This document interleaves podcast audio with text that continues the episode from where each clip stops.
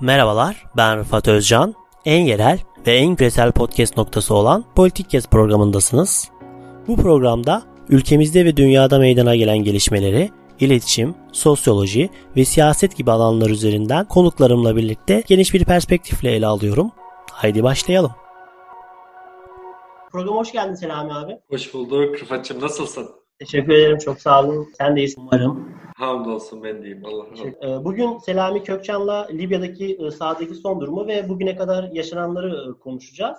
Öncelikle e, kısaca kendini tanıtabilirsen çok memnun olurum. Tabii. Ben Erzurumluyum. Fırat Üniversitesi Tarih Bölümü mezunuyum. Mısır'da bir yıl dil eğitimi aldım. Ondan sonra Sakarya Üniversitesi Orta Doğu Araştırmaları Enstitüsü'nde yüksek lisansımı tamamladım. Hali hazırda Medeniyet Üniversitesi'nde Uluslararası İlişkiler Bölümünde doktoraya devam ediyorum. Evet, TRT Haber'de çalışıyorum. Özellikle Orta Doğu ve Afrika konularına bakıyorum. Onunla ilgili haberleri hazırlıyoruz, yazılar yazıyoruz. E, genel olarak bu şekilde. Öncelikle şunu sormak istiyorum. 2011'e kadar olan Libya e, siyasi ve toplumsal yapısından bahsedebilirsek çok iyi olur. Öncelikle bununla başlayıp sonra üzerine bugün neler olduğunu e, konuşmak isterim. Şimdi Libya konusunda hiç bilmeyenler için ilk önce isterseniz bir resim çekelim. Libya'da biliyorsunuz uzun yıllar bir Kaddafi dönemi oldu. Libya'ya eskiden bakarsanız yani İslam Hazreti Ömer döneminde İslamiyet'in girdiği topraklar. Ya İslamiyet'in demeyelim. İslamiyet daha önce de girmişti de yani İslam topraklarına katıldı buralar. Buralar uzun dönem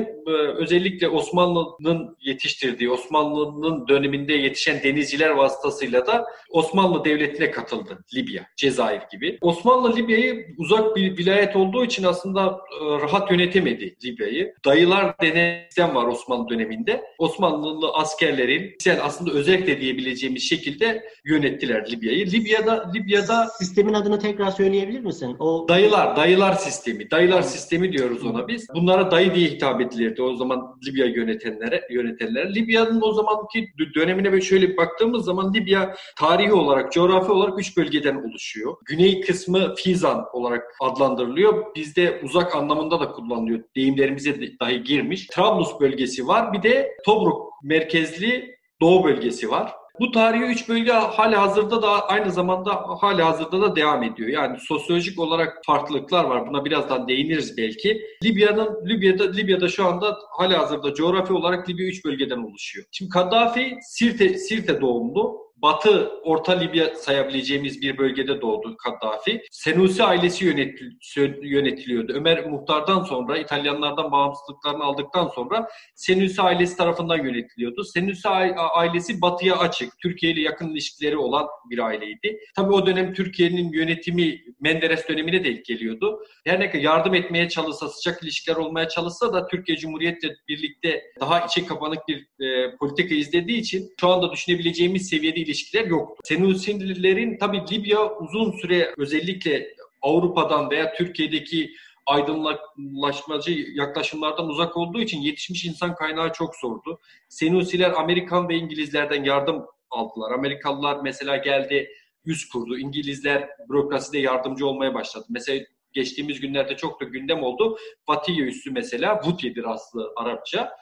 Houthi üssünü mesela Amerikalılar kurmuştu. Kaddafi döneminde sonradan çekilip gittiler. Böyle bir düzen vardı. Tabii Arap milliyetçiliğinin e, özellikle 50'li ve 60'lı yıllarda yükselmesiyle birlikte Libya'da askeri sınıf da oluşmaya başladı. Daha önce bir askeri sınıftan Libya'da bahsedilemezdi. Bu askeri sınıf Rusya'da eğitim aldı özellikle 60'larda 70'lerde. Bunlar Kaddafi mesela çok küçük yaşta 29 yaşında albay darbe yaptı Senusi'ye. Senusi yurt dışındaydı. Darbe yaptıktan sonra ülkeyi demir yumrukta yönetmeye başladı. Cemal Abdülnasır'dan çok etkilenmişti. Daha sonra bu Kaddafi'nin fikirsel dünyası tabii ki değişecek. Yeşil kitap yazacak. Efendim mesela dünyaya yön vermeye çalışacak kendi fikriyatınca. Libya böyle bir ülke. Yani her ne kadar ciddi bir petrol rezervi var Libya'nın. Bunu ülke ülke satına yayabilmiş mi? Hayır, yayamamış. Mesela Trablus'un güneyindeki bazı ilçelerde, Zintan'da falan hala evlerde su yok. Böyle petrol zengini bir ülke. Tabii ki bu Libyalıların aslında yaşam şeklini de etkilemiş. Yani Körfez'de gördüğümüz aynı şeyi burada da görüyoruz. Yani Körfez'de mesela Suudi Arabistan yabancı işçileri çıkarmaya çalışıyor hali hazırda. Ama çıkaramıyor çünkü onların yerine koyacağı kendi işçisi yani Suudi işçi bulamıyor. Mesela taksicisidir, dondurmacısıdır veya efendim petrol şirketinde çalışacak adamlara dahi bulamıyor. O yüzden yabancı işçileri hızlı şekilde kontrol edemiyor. Libya'da aynı bu şekilde yani Kaddafi geçimlerini sağlayacak kadar insanlara para veriyordu. Hem bu onların yönetime karşı bakış açısını etkiliyordu açıkçası. Hem de kötü tarafı ise bunlar Libyalılar bir meslek edinemedi, edinemediler uzun yıllar. Hala, hala edinebilmiş değiller. Ülkede ciddi bir Mısırlı var mesela. Yüz binlerle ifade edilen Mısırlı işçi var. Her şeyde çalışan. Yani Libya'yı aslında sosyolojik olarak Körfez'de bir tutabiliriz. Sosyolojik olarak diyorum Körfez'de aslında Batı'yla ilişkiler iyi olduğu için eğitim seviyesi de o şekilde arttı. Ama Libya'da Kaddafi'den mütevellit o seviye artmadı. Sadece farklılık bu. Benim, benim okumalarımdan göz, gözlemlediğim bu şekilde. 2011'den sonra e, Arap Bahri ile birlikte nasıl bir resim ortaya çıktı ve şu an güncel olarak sahada hangi taraflar var ve bunlar kimler tarafından destekleniyorlar? Kaddafi biliyorsunuz 2011'de Tunus'ta Muhammed Bouazizi'nin kendisini yakmasıyla birlikte bir ateş Orta Doğu'yu sardı. Buna kimileri Arap Baharı ismini veriyor, kimi Arap Sonbaharı ismini veriyor. Her ne verirseniz ver, verin bu bölgede onlarca yıllık hüküm süren yönetimleri aslında koltuklarından etti. Bunların içinden biri de Kaddafi'ydi. Kaddafi giderken tabii kendini devlet başkanı olarak görmediği için, hepsinin üstünde olarak gördüğü için çok konuşmalarında kızıyordu. Ben devlet başkanı değilim. Veya ben diyordu ki ben Zeynel Abidin bir Ali değilim Tunus'taki gibi. Ben devremezsiniz. Ben hepsinin üstündeyim diyordu. Kaddafi. O, o yüzden Libya'yı bu şekilde aslında görmek lazım. Kaddafi'nin konumunu. Kaddafi devrildikten sonra aslında Libya'da olaylar başladı. Yani fırtına öncesi sessizlik aslında Kaddafi'nin gidişiydi. Libya'da Kaddafi'nin muhalifleri ülkeye dönmeye başladı. İlk önce bu önemli. Çünkü uzun yıllar yönetimde kalmış bir insanın ciddi anlamda muhalifi oluyor ve bu muhalifler ülkede yaşayamadığı için çünkü demir yumruklu ülkeyi yönetiyor. Bunların ekseri gayriyeti yurt dışındaydı. Bunlar ülkeye dönmeye başladı. Bunlardan biri de Hafter'di. Hafter Çat, Çat'la girilen bir savaşta 80'lerde e, Çad'a esir düşmüş. Daha sonra da e, Toyota Savaşı denir buna. Libya bir büyük bir hezimet e, yaşamış. Ordunun başında da ha, Halife Hafter var. Halife Hafter Çad'a esir düşüyor. Ondan sonra Amerika'nın bir operasyonuyla Amerika'ya götürülüyor. Efendim söyleyeyim uzun yıllar Amerika'da yaşadıktan sonra zannediyorum 2011'in ilk aylarında Kaddafi'ye isyan başladıktan sonra Libya'ya dönüyor ve diğer askerlerle birlikte, eski askerlerle birlikte mücadeleye başlıyor. Ön, öncesinde askeri eğitimini de Rusya'da alıyor sanırım. 60'larda aldığı dediğim Evet, evet. Şey. Bir, bir Rusya Rusya Hı. eğitimi var e, 4-5 sene. Rusya'da da eğitimini e, şey diyor. Hala Rusya ile zaten iler birazdan değineceğiz. Sıcak ilişkilerin temelinde de aslında o eğitim yatıyor. Yani çünkü o dönemde Cemal Abdülnasır'ın Rusya ile Batı blokuna karşı giriştiği ittifakın Libya ayağı da bu asker eğitme, eğit, eğitmenleri oluyor. Mısır'da da Mısır'da da askerlerin %90'ı Rusya eğitimidir. Silah sistemleri, savunma sistemleri hepsi Rus menşelidir. Halife Hafter döndükten sonra tabii e, Libya'da az önce bahsettiğim sosyolojik bölünme e, Rıfat ülkenin bütün satına yayılmış durumda. Yani Libya'da şöyle bir durum var. İzleyicilerin şu andaki durumu ve gelecekteki Libya'yı anlamaları için çok önemli buluyorum ben. Libya'da İbni Haldun bize bundan neredeyse 800 yıl önce bir kitap yazmış mukaddime. Orada bahseder. Der ki hadaret ve bedavet kavramlarından bahseder. Orada der ki insanlar devlet kurmaya yakın insanlar genellikle bedavet sınıfında olan insanlardır. Çünkü bunların dayanışması güçlüdür, yeni bir şey yapma hırsları güçlüdür. Bunlar bedavet olarak tanımlanır. Bir de hadaret kavramı, hadaret, hadaret aslında şehircilikle bunları özdeşleştirir. Yani şehirde yaşayan, akrabalık bağları artık zayıflamış. Günümüzde de bunu hissederiz aslında. Yani yeni köyden göçmüş bir ailenin akrabalık bağlarıyla uzun yıllar şehirde yaşamış bir insanların akrabalık bağları daha zayıf. Bunu aynı zamanda Osmanlı'da da görürüz. Osmanlı da buna dikkat etmiştir. Osmanlı'nın paşaları ekseri gayriyetle devşirmelerden oluşur. Devşirme çocuklarından oluşur. Çünkü Osmanlı şuna dikkat eder. Arkasında beylik olan veya aşireti olan artık Osmanlı döneminde neyle tabir edeceksek bu çocukları devlet yönetimine geçir, getirmekten e, şey ol, imtina etmiştir Osmanlı. Zira bu paşalar, ileride paşa olacak çocuklar aşiretini arkasına alıp efendime söyleyeyim bize isyan e, e, edebilir döngüsüyle hareket etmiş. Şimdi Libya'da da durum bu. Batı bölgesi yani Uluslararası Mutabakat Hükümeti'nin desteklediği bölge, kontrolündeki olan bölge şehirli nüfusun fazla olduğu bölge. Yani tahminlerimize göre e, uluslararası raporlara göre %65 nüfusun %65'i burada yaşıyor. Yani nereyi kastediyorum? E, Trablus, Batıdan sayıyorum. Trablus, Misrata, Sirte, alta doğru Tarhuna, Beni Velid gibi şehirler. Belki Marzuk'u falan da sayabiliriz altta güneyde. Yüzde, nüfusun %65'i bu şehirlerde yaşıyor. Diğer kalan nüfus ise e, doğuda yaşıyor. Doğudaki e, Rıfat, Bingazi, Tobruk, Derne gibi kentleri, kentlerin ekseri kayriyetinde ise aşiretler hakim. Yani aşiretler aslında Kaddafi döneminde de etkindi. Kaddafi bunlara petrolden hak veriyordu. Çıkarılan petrolden hak veriyordu. Dolayısıyla bir özerk yapıları mevcut. Ta geçmişten gelen bir özerk yapıları mevcut. Bundan da dolayısıyla açıkçası bunların toplamını topladığımızda şu çıkıyor ortaya. Libya'da e, şehirli nüfusla aşiret nüfusu arasında ciddi bir görüş farkı var. Yani bölünmüşlük aslında sosyolojik olarak buradan kaynaklanıyor. Aşiretler Libya'ya demokrasi, daha iyi hizmet, seç, daha şeffaf seçimler gözüyle bakmıyor. Buna şehirli nüfus bakıyor. Dışarıyla açık, batı ile ilişkileri güçlü, dışarıya entegre. Mesela Türkiye'ye gelip okumuş veya Amerika'da okumuş bu çocuklar veya Libya'nın şehirlerinde okumuş çocuklar, dışarıya açık çocuklar artık Libya'da diyorlar kardeşim biz şeffaf seçim istiyoruz, demokrasi istiyoruz, daha iyi yönetim istiyoruz, yönetimimizi değiştirmek istiyoruz gerektiği zaman.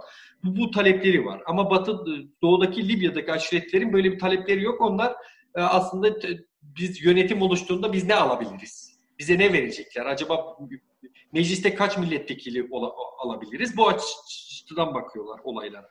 Dolayısıyla İbn Haldun'un teorisi tamamen burada geçerli. Yani hadaret ve bedavet kavramları şey arasında ikisinin çok ciddi fark var. Hadaret bedavet kavramını açıklarken ben şu örneği çok veriyorum. Burada da vermek istiyorum. Yani hadaret ve bedavet şunu açıklıyor. Biz mesela Mezopotamya'da taş devri yaşanırken Libya'da mesela Tunç devri yaşanıyor. Ama aynı zaman diliminde. Anlatabiliyor muyum? Mesela milattan önce tamamen sallıyorum şu anda. Milattan önce 200 yılında atıyorum veya 1000 yılında Mezopotamya'da veya Anadolu'da taş devri yaşanırken Mısır'da mesela Tunç devri yaşanıyor. Daha ileri bir çağ. Anlatabiliyor muyum? Hı hı. Şimdi bu insanların aynı devirde yaşadığını söyleyebilir miyiz? Söyleyemeyiz tabii ki. Yani e, Tunç devriyle e, taş devri arasında dağlar kadar fark var ama bunlar aynı zaman diliminde yaşıyorlar. Milattan önce 200'de yaşıyorlar mesela. Bunu şimdi burada da örneklendirmek lazım. Yani şehirlerde yaşayan dünyaya açık bir Batı Trablus'la Doğu Trablus arasında ciddi farklılıklar var. Aynı zaman diliminde yaşıyor, aynı kravatı bağlıyor ve aynı takım elbiseyi giyiyor, giyiyor olsalar da farklar ciddi anlamda fark var. Dünya bakış açıları da bu şekilde. O yüzden Libya'yı bu şekilde değerlendirmek lazım. İki Libya'yı. Doğu ve Batı. Güney çok farklı. Çünkü Güney'de farklı değerlendirmek gerekiyor tabii ki. Şimdi 2011'deki olaylara dönecek olursak Libya'daki bu ayrımı aslında göz önünde aldırdık, aldıktan sonra olaylara bakacak olursak daha netleşmiş oluyor. Şimdi Batı'da Batı Libya'daki taraflar o 2013'te 2014'te Libya'da çatışma bölgelerinde Rıfat şöyle bir durum oluyor. Özellikle son 15-20 yılda belki daha geriye götürebiliriz. Çatışan taraflar belli bir hedefe giderken birlik içinde oluyorlar. Adam koordinasyonu sağlıyorlar. Mesela 100 grup var. Bu 100 grup belli bir hedefe giderken birlik oluyorlar ve o hedefe varıyorlar. Tamam mesela Kaddafi'yi devirmek için belki binlerce grup, belki yüzlerce grup Kaddafi'yi devirmek için birlik oldu. Aynı saflarda savaştılar. Çatışmaların en büyük sorunu çatışma sonrası başlıyor. Yani çatışma sonrası Kaddafi devrildi. Peki biz nasıl bölüşeceğiz? Ne yapacağız? Burada aslında grup bağlılıkları ortaya çıkıyor. Libya'da da bu şekilde oldu. Kaddafi devrildikten sonra ülke bir iç kargaşaya sürüklendi. Libya'nın genel o zamanki askerlerin başı genelkurmay başkanlığı yapan kişi bir suikasta kurban gitti. Hafter'e de bir suikast düzenlendi Bingazi'de. Hafter soluğu Amerika'da aldı. Kaçtı gitti. Amerika'da tabii bir, birkaç ay veya bir, tam zamanını hatırlamıyorum. Bir süre kaldıktan sonra tekrar döndü Libya'ya. Zannediyorum Libya'daki şu anki durumun Halife Hafter'in arkasındaki güçlerin sebebi şeyi sebebi hikmeti de Amerika'daki o süre. Çünkü Daesh tarafından e, düzenlendiği söyleniyor. O suikast Hafter'in villasına düzenlendi. Hafter ondan sonra kaçtı gitti Amerika'ya. Artık oradan Amerika'dan döndüren sebep neydi? Onu tabii ki ileriki zamandaki yıllarda artık tarih araştırmacıları bulabilecek diye tahmin ediyorum. Şimdi Hafter e, Libya'ya döndükten sonra 2014 ee, yılında ülke yönetimine el koyduğunu açıkladı Rıfat. Yani aslında Libya'da her şey de bununla başladı. Batı bölgesinde bulunan gruplar, Misratalılar, Trablus Tugayları, Zintan Tugayları bunları reddetti. Biz böyle bir şeyi kabul etmiyoruz diye. Az önce dediğin ilk başta sorduğun sorunun cevabı aslında burada yatıyor. Kim ne destekliyor? Libya haritası nasıl? Halife Hafter Amerika'dayken zannediyorum Birleşik Arap Emirlikleri, Fransa, Suudi Arabistan, Mısır gibi ülkeler Halife Hafter'i aday olarak belirledi. Çünkü Arap Baharı'ndan yorgun çıkmış ülkeler, özellikle Mısır, Birleşik Arap Emirlikleri, Suudi Arabistan bunlara yorgun çıkmış diyorum. Çünkü Arap Baharı'nın e, yaşandığı ülkelerden ziyade etkilerinin en çok öldüğü, olduğu ülkeler bunlar. Yani Birleşik Arap Emirlikleri'nin Arap Baharı çok ciddi etkiledi. Suudi Arabistan'ı da çok ciddi etkiledi. Bu başka bir röportajın veya konusu ama bu, bu ülkeler Arap Baharı'ndan çok ders çıkardı. O yüzden Arap basınında veya dünya basınında şu kavram kullanılır. Arap Baharı karşıtı koalisyon. Bunlar Arap Baharı karşıtı koalisyonda yer aldılar. O yüzden Libya'da da erken hareket ettiler. Yani Suriye'de iç savaş yaşanırken, Mısır'da darbe süreci yeni atlatılırken, dünyanın gözleri buradayken Libya'da hızlı hareket ettiler. Özellikle Birleşik Arap Emirlikleri, Fransa Hafter'i ciddi anlamda destekledi. 2014'ten itibaren. 2016'dan itibaren artık bu şey hızla yükseldi destek. Libya'da tarafları e, düşünecek olursak Şimdi e, askeri anlamda Misrata Tugayları, ya Trablus'un doğusundaki Misrata Tugayları ciddi bir askeri güç. Trablus içindeki Trablus Tugayları da bir güç ama Misratalılar kadar güçlü değil. E, Trablus'un güneydoğusunda, e, güneybatısındaki Zintan'da bir güç var, askeri güç var. Yani böyle bölebiliriz askeri güçlere. Bu güçler Hafter'in darbesini kabul etmedi. Ancak harekete de geçmediler. Hafter harekete geçti. İlk önce derneği, sonra Tobruk, Bingazi. Bingazi'yi çok uzun süre savaşarak aldı. Kenti adeta yıktı. Yıktıktan sonra aldı evet. Yani yıktıktan sonra aldı. Bu süreçte temel sıkıntı şuydu e, Rıfat. Yani Batı bloğunda temel bir şey eksikliği, motivasyon eksikliği var, vardı ve bunun uluslararası toplum tarafından çözüleceğine inanılıyordu. Bu süre bu süre zarfında Batı'da hiçbir gelişme olmadı. Yani adeta Hafter'in Bingazi, Derneği, Tobru, oradaki doğudaki kentleri teker teker ele geçirmesini bekledi batıdaki güçler. Tabii takvim yaprakları 2009'a yaklaşırken Libya'nın güneyine de hakim olmuştu. Artık askeri e, ikmalini konsolide etmiş, siyasi anlamda ciddi destek almış. Batı Libya'ya doğru hareket etmek üzereydi. Durumu şöyle özetleyeyim e, bilmeyenler için. Türkiye'nin böyle bir aktif desteği yoktu. Veya Katar'ın böyle bir aktif desteği yoktu. Veya İtalya'nın böyle bir aktif desteği yoktu. Aktif destek Trablus saldırısından yani Nisan 4 Nisan 2019'daki Trablus saldırısından itibaren başladı. Bundan önce kimse yani Hafter'in saldıracağını araştırmacılar tahmin ediyordur muhakkak. Yani Batı Libya'da da tahmin ediliyordu e, muhtemelen. Çünkü destek verenleri çok ciddi destek veriyordu. Fransa, Suudi Arabistan, Mısır ve Birleşik Arap Emirlikleri Hafter'e ciddi destek veriyordu. Ve şu anda dünyanın konuştuğu e, Türkiye'nin ikmal e, e, ulusal mutabakat hükümetini, Birleşmiş Milletler'in tanıdığı ulusal mutabakat hükümetini havadan ve denizden sağladığı ikmal e, ikmali konuşan dünya aslında 2006'dan ta 2019'a kadar ciddi ikmal sağlandı. Yani Türkiye'nin sağladığını bunlar 4-5 yıldır tam sağlıyor zaten.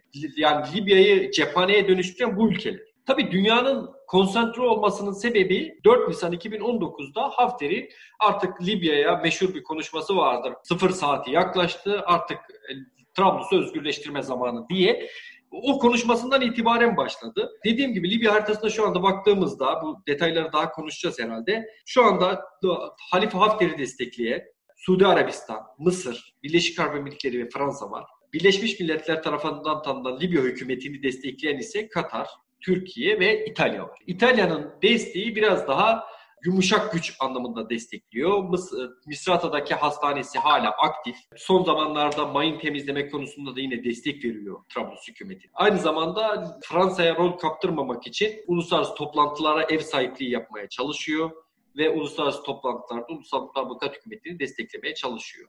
Hala hazırdaki durum bu. Birçok ülkeden buraya paralı askerler evet. geliyor. Yani bu hangi ülkelerden geliyorlar ve bunların motivasyonları ne? Önce Şimdi Rıfat'cığım öncelikle şunu belirtmek lazım. Çatışma artık günümüzde özellikle e, Soğuk Savaş'ın bitmesiyle birlikte, Soğuk Savaş dönemini bilmiyorum açıkçası. Soğuk Savaş, bit, Savaş'ın bitmesiyle birlikte paralı asker kavramı dünyamıza girdi. Yani bizim kavram dünyamıza girdi. Hı hı.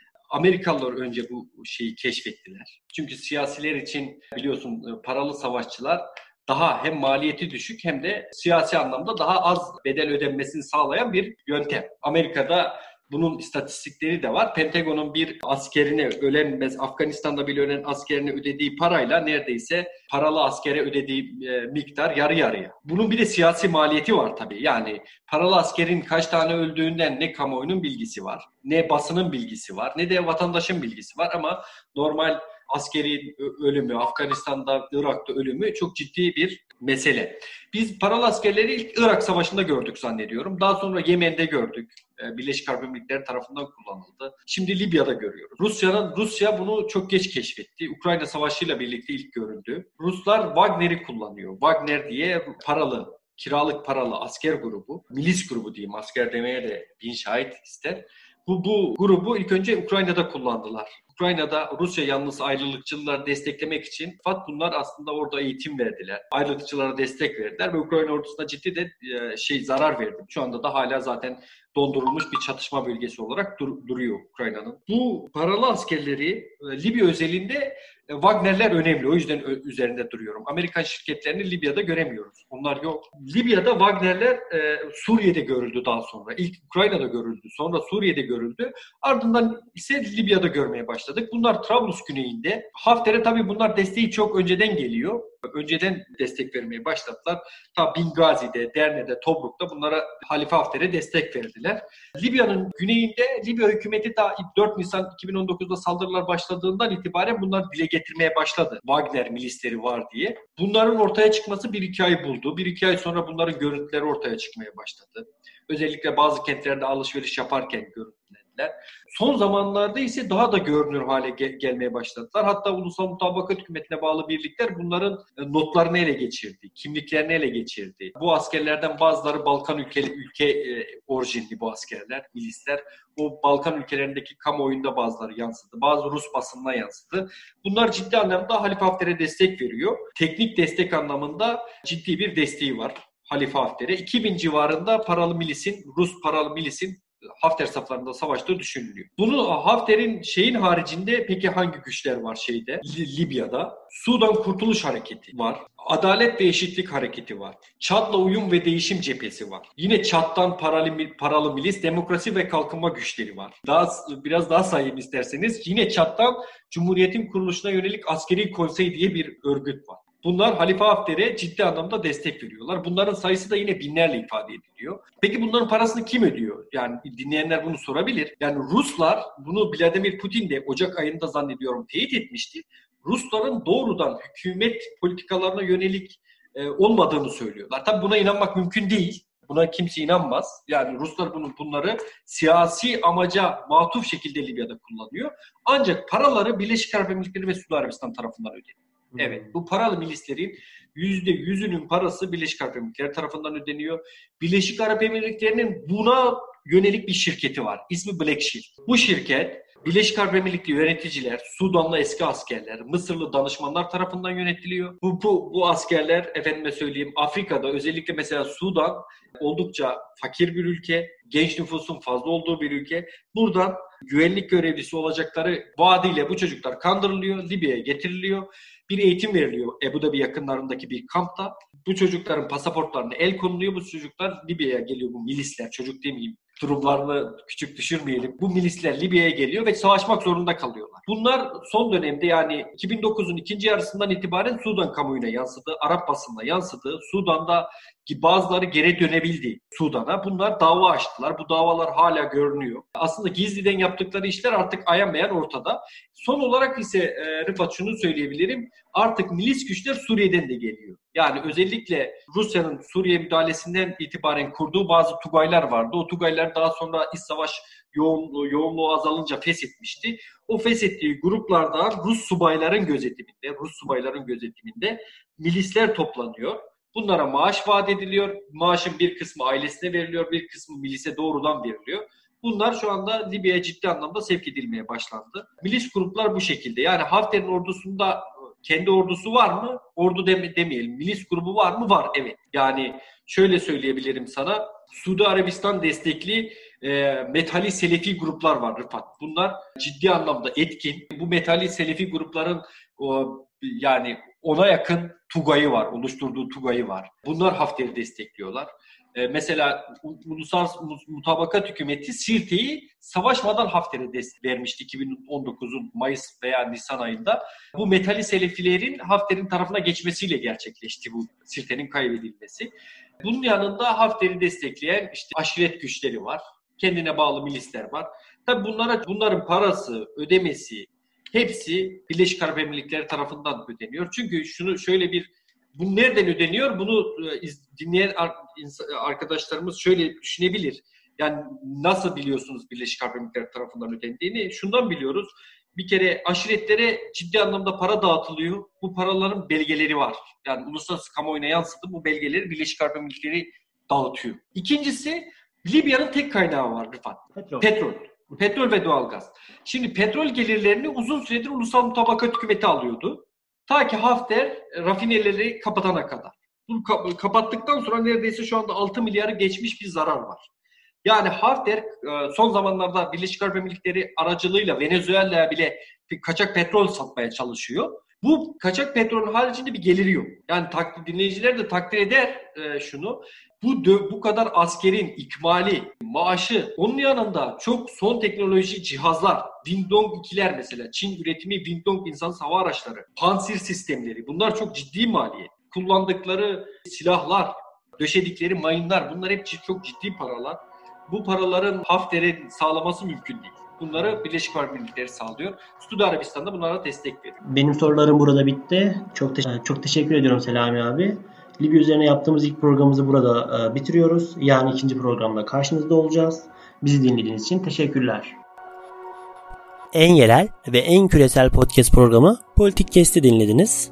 Bizi Spotify, Apple, Google Podcast üzerinden ve sosyal medya hesaplarımızdan takip etmeyi unutmayın. Yeni başlıklar ve konuklar için kulağınız bizde olsun.